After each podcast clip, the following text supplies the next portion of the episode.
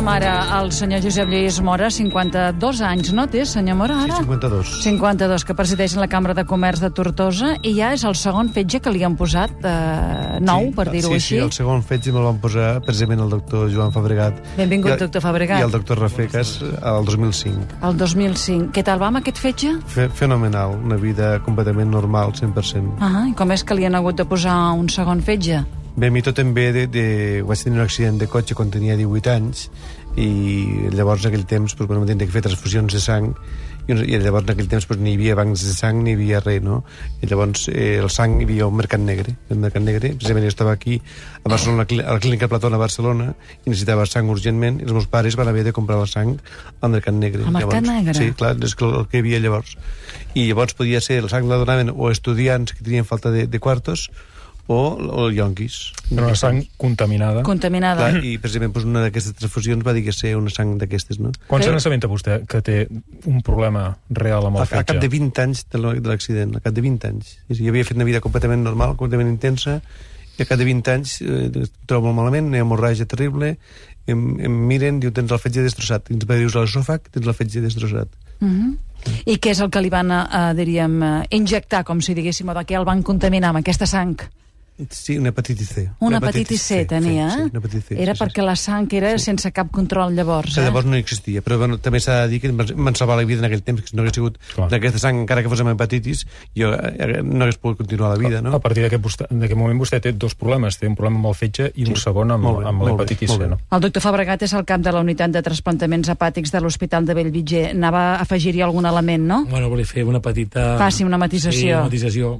Jo penso que, la, la, com diu ell, la transfusió li va salvar la vida, però quan li van fer la transfusió no hi havia mitjans tampoc per detectar si la sang estava contaminada Clar, clar. per aquest virus, eh? es Clar, desconeixia. clar. Sí, sí, es o sigui, a coneixia. tota la gent que es, va trans, que es va transfondre en una determinada època els hi va salvar la vida, però després han tingut doncs, molts patologies cròniques secundàries d'aquest virus que avui en dia es coneix i la sang es determina que no, no tingui aquesta infecció. Eh? Quan li van a trasplantar el fetge? La van trasplantar doncs, al cap d'un any i mig que es detectés la, la hepatitis. Ja. Llavors, clar, el problema que tampoc no hi havia tractament per al virus C en aquell temps. A l'any 98, Ara n'hi ha, no? ara sí. Sí, ara no vol dir que sigui efectiu, però n'hi ha. Ha, ah, llavors ha, de què serveix un tractament que no és efectiu? Bueno, aviam, anem a veure. Eh, avui en dia hi ha tractament eh, antivirals contra, el, Sí, contra sí. el virus de l'hepatitis C, però no té èxit en tots els casos. Ah, vol dir no és un efectiu 100%. No, Ah. Hi ha un 25 o 30% de casos que es pot eliminar el virus i aquell Mhm. malalt es cura, però hi ha un altre 60-70% que la seva malaltia va tirant, va tirant, va tirant, i alguns d'aquests malalts, en algun moment determinat de la seva existència, poden necessitar un trasplantament de fetge. Què és el que li va passar Sí, a en el vostè? meu cas, sí, el primer trasplantament va anar molt bé, l'operació va anar fantàstic, tot perfecte, però al cap de 4 anys, doncs una, una de les revisions em truquen i em diuen has de tornar a vindre, que això no va bé. I llavors és quan me plantegen fer-me el tractament Que això va ser el 2003. Sí, això va ser el 2003, l'octubre del 2003. Em diuen que hem de tornar a fer, hem de, hem de fer una, una, una revisió i que este, segurament que hauré d'anar a un tractament que és a base de ribaverina interferon en aquell temps era, no sé si actualment encara es fa El mateix. I em van dir que bueno, hi havia possibilitats, n'hi havia no, no, no moltes, però hi havia possibilitats de poder, de poder solucionar el problema. I Però clar, dir- el primer fetge trasplantat i estava ja torna, desfet, ja estava en una cirrosis ja total, sí, sí. Vaig passar un 2004 molt dur, molt dur perquè el tractament és dur però, però val la pena. En el meu cas va ser un èxit i va- vam poder negativitzar l'hepatitis en aquell temps, i, però clar, pel fetge ja no aguantava, amb el fetge ja, jo havia d'anar ja directament a trasplantament, a posar llista d'espera. I els ànims, com han anat tots aquests anys? Bé, doncs ha hagut de tot, no? Ha hagut al començament ànims, doncs, bueno, quan, quan surt del trasplantament, quan comença que tot comença a veure la llum, perquè, clar, tot això es, es, es pot comptar molt, molt, molt ràpid, no? Però hi ha, hi ha de tot, no? Hi ha dies molt bons, hi ha dies durs, hi ha dies molt durs, però com que tens la il·lusió que te'n sortiràs, doncs això és importantíssim, no tindre aquesta il·lusió de viure i tindre una confiança total i absoluta i plena amb els teus metges i fer exactament el que et diuen i tindre aquesta fe cega, jo crec que també influís moltíssim i, bueno, però no obstant, clar, hi ha moments doncs, que, de dos, molt durs que en aquells moments la teva família més directa, els teus amics íntims t'ajuden molt també a superar moments que jo hagués tirat la, la tovallola si no hagués sigut la meva família, no? El segon trasplantament um, li fan el dia després del seu aniversari. Molt bé, molt bé, sí, sí, sí. I, vaja, uh, pràcticament a un dia i mig de, de que vostè li diguessin que ja pràcticament no Sí. podia sobreviure, no? estava en coma hepàtic ja, ja, estava, era al final, o sigui, i jo tenia dies de, de lucidez hi ha dies, dies que estava ja en una encefalopatia total, que no me n'enterava absolutament de res, i bueno, ja, clar, el problema del fetge és que bueno, el doctor Fabregat sap molt millor que jo, no? perquè el, el rinyó pot ser poden encara mitjançant els, les diàlisis poden anar aguantant més, no? però els fetges encara no hi ha el fetge artificial que pugui mantenir la persona mentre no arribi a un fetge nou clar, la meva qualitat de vida era ja, vamos, esperant, esperant el pitjor. Tan bona cara que fa ara, fa un goig. Estaven 49 quilos quan, quan vam fer el Estaven segon. 49 quilos. I ara quan estaven pesa? 79. O 79. sigui, són 30 part. quilos més, eh?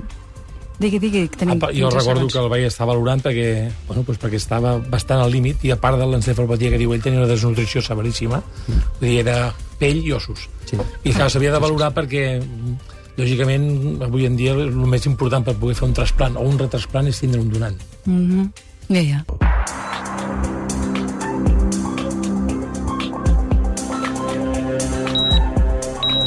Senyora Maria Rodríguez, quants ronyons hi ha dins del seu cos? Uf, tres, en este momento tres. Tres? Tres trasplantes. Mm, Este último llevo dos años y medio con él, va perfectamente bien y espero que sea definitivo y que me dure unos años. I els seus de ronyons? Ah, bueno, los míos se van secando, se van quedando pequeñitos y ahí se quedan. Però també hi són, o Sí, sigui- sí, son como alubias pequeñitas. Com mongetes, molesta. eh? Tres més els dos seus. Sí, O sigui, cinc. sí. I què tal? Com està? Ahora ve. Ahora estic ve. bé, ahora sí. Eh, es eh, encuentro muy diferente este trasplante a los dos anteriores. Con este trasplante me encuentro mejor, con más ánimo, con, con más ganas de vivir y más ilusión. Y, y lo noto que, que va bien, que va bien, va perfecto. Té 40 anys, vostè. Sí, I fa 20 que està amb sí, tot això. la, la mitad de mi vida, prácticamente. Sí, No. la mitad de mi vida. Pot treballar o no? No. no. ¿Encara es, no? Es Oh. el tercer riñón. Llevo eh, el abdomen abierto por cuatro veces porque además eh, en uno de los trasplantes se me hizo una ventración, me, me volvieron a operar. Què és una ventració? Una ventración es un... Bueno, que se abre la herida por dentro, es un como una hernia. Ja. No? Mhm. Y, y bueno, aparte de los esfuerzos y todo eso, tengo que tener mucho cuidado. Y bueno, Està contenta ara? Estoy contenta porque va bien. Lo que pasa que siempre está el miedo, ¿eh? El, ¿Cuánto miedo, tiempo? el miedo está ahí. Quant temps fa que li han posat l'últim ronyó? Dos años y medio.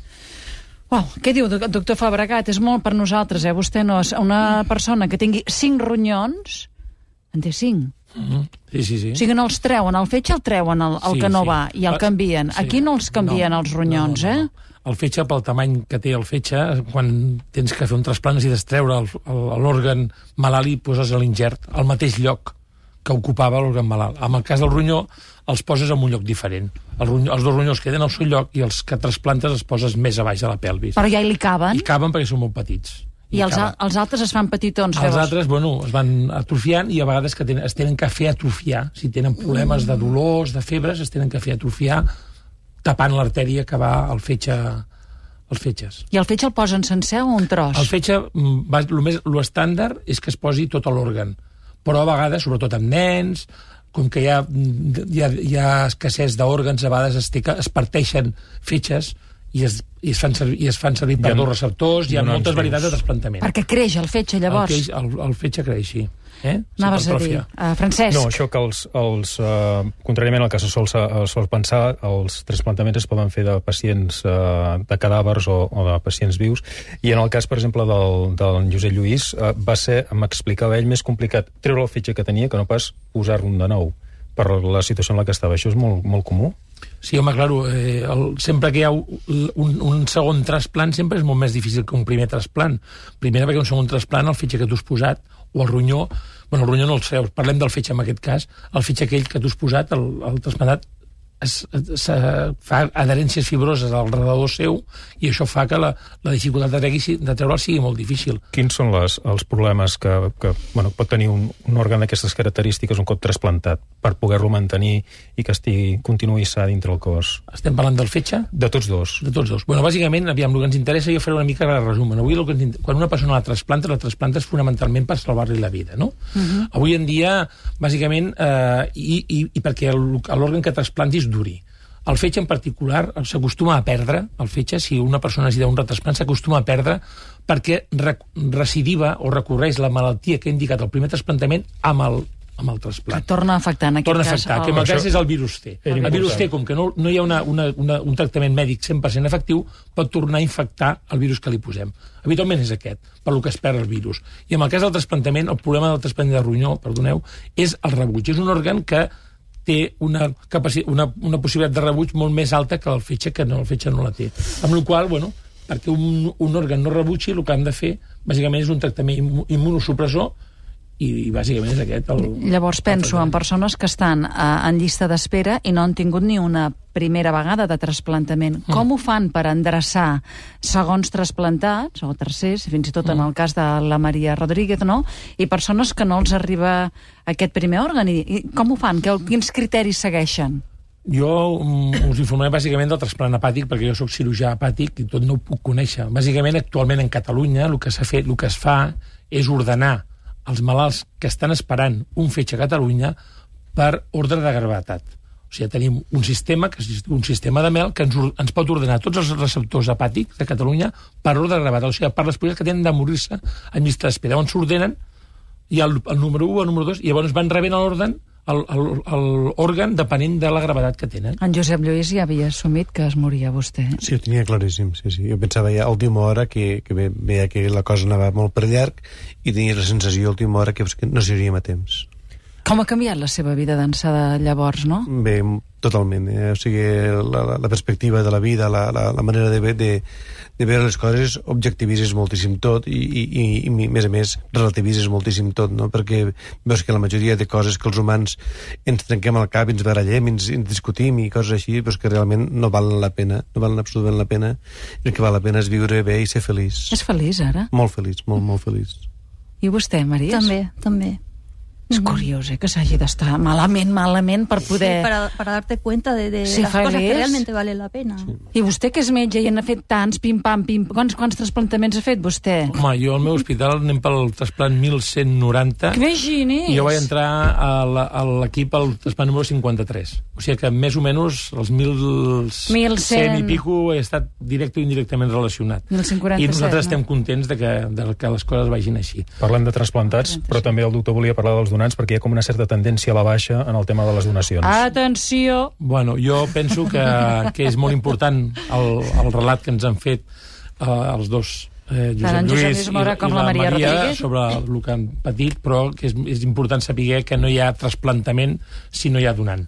Clar. I està claríssim que eh, els donants són necessaris i s'ha d'agrair a totes les famílies dels donants que han donat l'òrgan perquè doncs, la gent que necessita un, un, un ingert eh, visquin, puguin viure, tinguin una gran qualitat de vida i bueno, s'ha d'animar no, a la gent a, a donar, a saber que una persona per la causa que sigui deixa d'existir, no es pot no li és necessari ni el cor, ni els ronyons, ni el feix, això pot ser útil per un receptor. Sabem que es pot donar de donar en viu un ronyó, però un, un tros de fetge es pot donar? Sí, També? Sí, uh, avui en dia, el, uh, avui en dia s'estan fonamentalment s'estan incrementant els donant-vius amb el ronyó, però també es fan eh, tra eh, trasplants hepàtics amb donant-vius, sobretot amb l'edat pediàtrica, uh -huh. eh, és on, on és més necessari.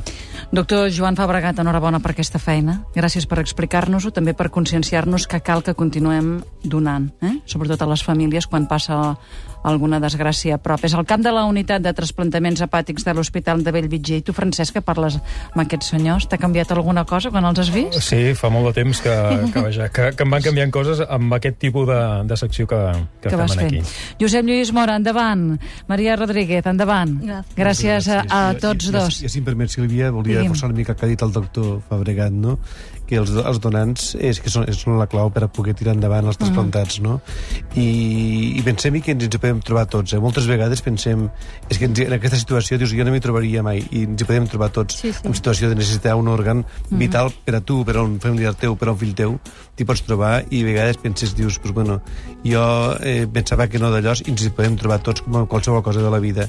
Per tant, jo un agraïment però, però molt, molt de tot cor a, a, tot, a tots els donants en si, evidentment el que em va fer el meu, la donació pel meu fetge, els meus fetges també com no, i, i invitar a tothom que, que estigui en una situació tan crítica com aquesta a que, si, a que siguin donants i que siguin generosos perquè ens hi podem trobar tots en aquesta situació. Y que tengan mucho ánimo, sobre todo, y que, bueno, y repetir lo de la donación de los órganos, que es muy importante porque ahora estoy yo en este lugar, pero mañana podría ser tú, tú, tú y todo el que nos está, todo, toda la gente que nos oye.